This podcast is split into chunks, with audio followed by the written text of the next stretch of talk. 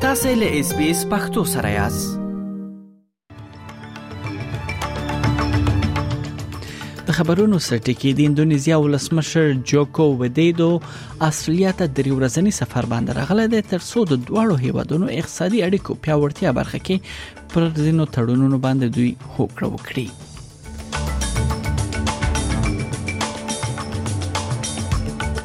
بلخو د استرالیا ریزرو بانک نن ناسه کوي تر څو د سود نرخ لوړولو پر سر پریکړه وکړي او استرالیانو ته واوروي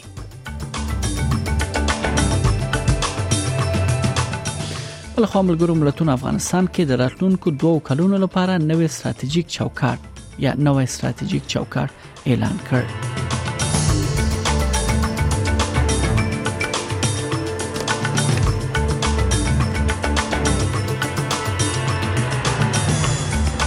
او بل خو اسرایلی ځواکونو د جنین په خار کې بي پلوټ الوتکو په بریدونو کې لګ تر لګ اته کسان وژل دي او په سلګونو پوځیان په جګړو کې ښکیل کړي دي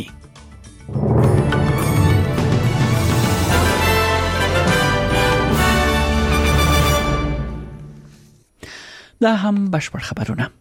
د انډونیزیا ولسمشر جوکو ویدیدو استرالیا ته د ورځنی سفر باندې راغلی دی ترڅو د دواړو هیوادونو اقتصادي اړیکو پیاوړتیا برخه کې ځینی تړونونه لاسلیک کړي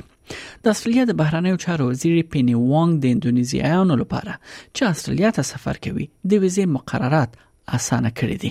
اغله دا خبر ل رسنیو سره شریک کړ او وی ویل ل دې سره د دواړو هیوادونو اقتصادي اړیکو کې پیاوړتیا راځي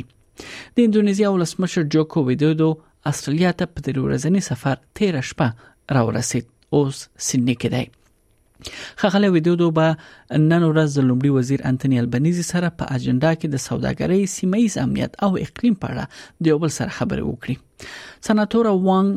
ای بي سي ته وویل چې استرالیا ته د انډونیزیانو د سفر د خندونو مسله د انډونیزیا لخوا سوزله راپورته شوې ده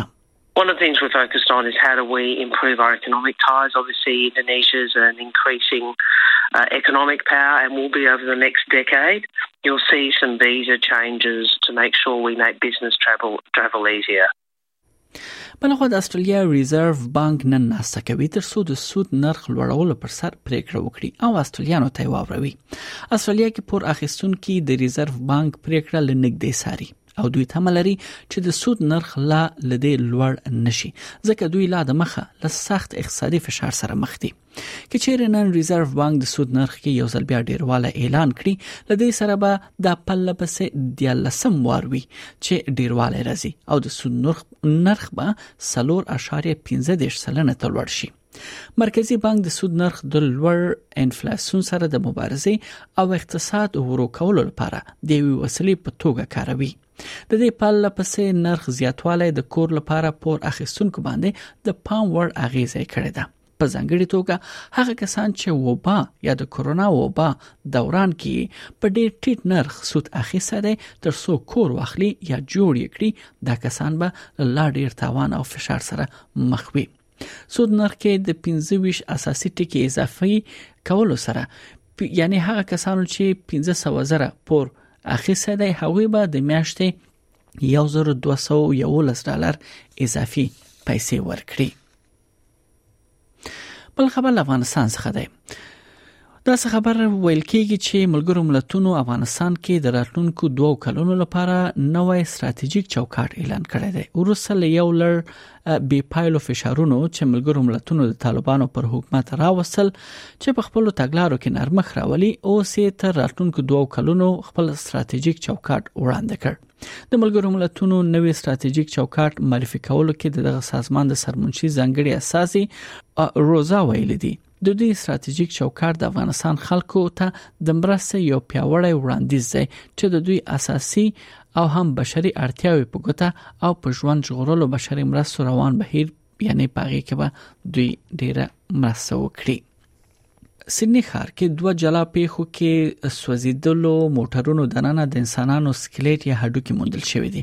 بیړني خدماتو ادارې د موټر تمځای کې یو موټر اور یعنی مړکولو لپاره دوی ورغلل ول دوی په یاد موټر کې یو شخص جسد یا هډو کې هم وموندل بیا په دویمه پیښه کې پولیسو د سیدنی شمال کې پرامتا سیمه کې یو بل موټر وموند چې اور لګیدو وروسته بشپړ سوځیدل او او پکې د یو شخص جسد موندل شوی دی دا څرګندن دا څرګند نه ده چې آیا دواړه پیښې سره تړاو لري او کنه استرالیا کې د سود لوړ نرخ سره سره د کورونو بیې په پله پسې توګه د سلورم میاشتې لپاره لوړ شوې دي د کولوژیک معلوماتو خودل دا چې په ټول هیواد کې یو اشاریه یو سلنه زیاتوالی لیدل شوی دی د کور د ځمکې منځنۍ بیه بیا یوازې ولکه او دروي زر ډالر ته رسیدلې ده مګر شنونکي وایي چې د دې وده سرعت ورو شوی دی په ملي بازار سره چې یعنی که د تیر کال په پرتله دا پرتله شي نو پاغي کې لا هم 15.13 سلنه کمواله لیدل کیږي ټیم لاسن په کورونو یا کورل جک کې د سړنه رئیس او هغه دا مسله تشریح کوي We're still seeing prospective vendors seemingly sitting on their hands, which probably has a lot to do with sentiment or confidence being as low as what it is. Then the demand side, of course, still being influenced by extraordinarily strong net overseas migration that's running into very, very tight rental conditions. امریکایي سیاستوال رابرت اف کینیډي جونیئر وایي چې ولسمشر وټاکل شي هغه به جولیان اسانج وبخي د روان کال په جون میاشت کې یو بریتانوي قاضي د استرالیا د ادبا هغه روسي هڅه هم رد کړه چې د جاسوسۍ له تورونو سره مخامخ کېدو لپاره متحده ایالاتو کې له محکمه کېدو وساتل شي او بریتانیا څخه یاد هیواد ته ونه لیږل شي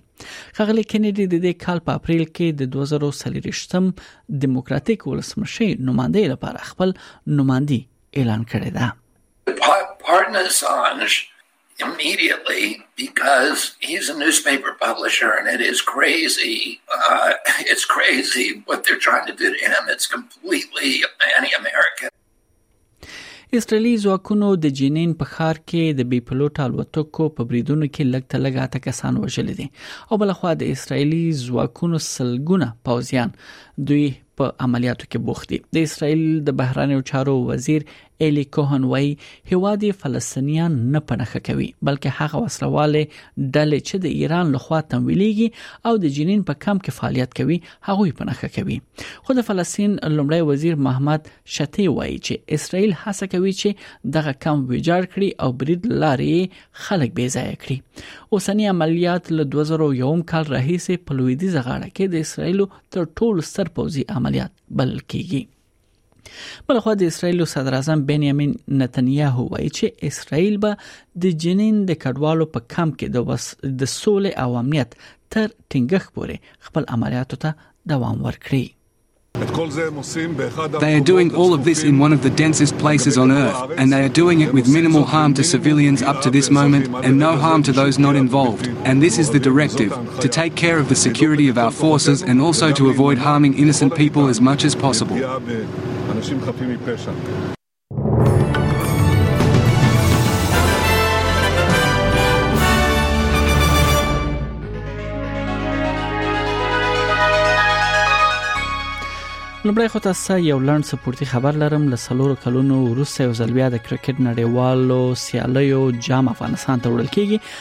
د افغانستان کرکټ بورډ مشر میرویس اشرف بي بي سي پښتو وپاڼه ته وویل چې دغه ټرافي به د سپتمبر میاشت کې افغانستان ته ورسیږي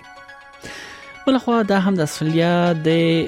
د استرالی ډالر پر وړاندې د زینو بهرانه اسعارو به په نړیوالو مارکیټونو کې یو استرالی ډالر 0.8 امریکایي سنت 0.18 یورو سنت یو استرالی ډالر و 5.9 افغاني روپی یو سل یو نوي اشاریه درې دیش پاکستاني روپی یو استرالی ډالر 350.4 اویا هندۍ روپی 2.15 اماراتي درهم او 0.25 انګلیسي پنسه ارزښت لري او دا هم د استرالیا د ځینو ښارونو نن لپاره د تودوخې تر ټولو لوړه درجه هغه هم د سانتیګریډ په کچه سیدنی کې هوا باراني ده لوړه درجه 15 سانتیګریډ اټکل شوې ده په ملبورن کې هم هوا باراني ده هلته لوړه درجه 12 سانتیګریډ اټکل شوې ده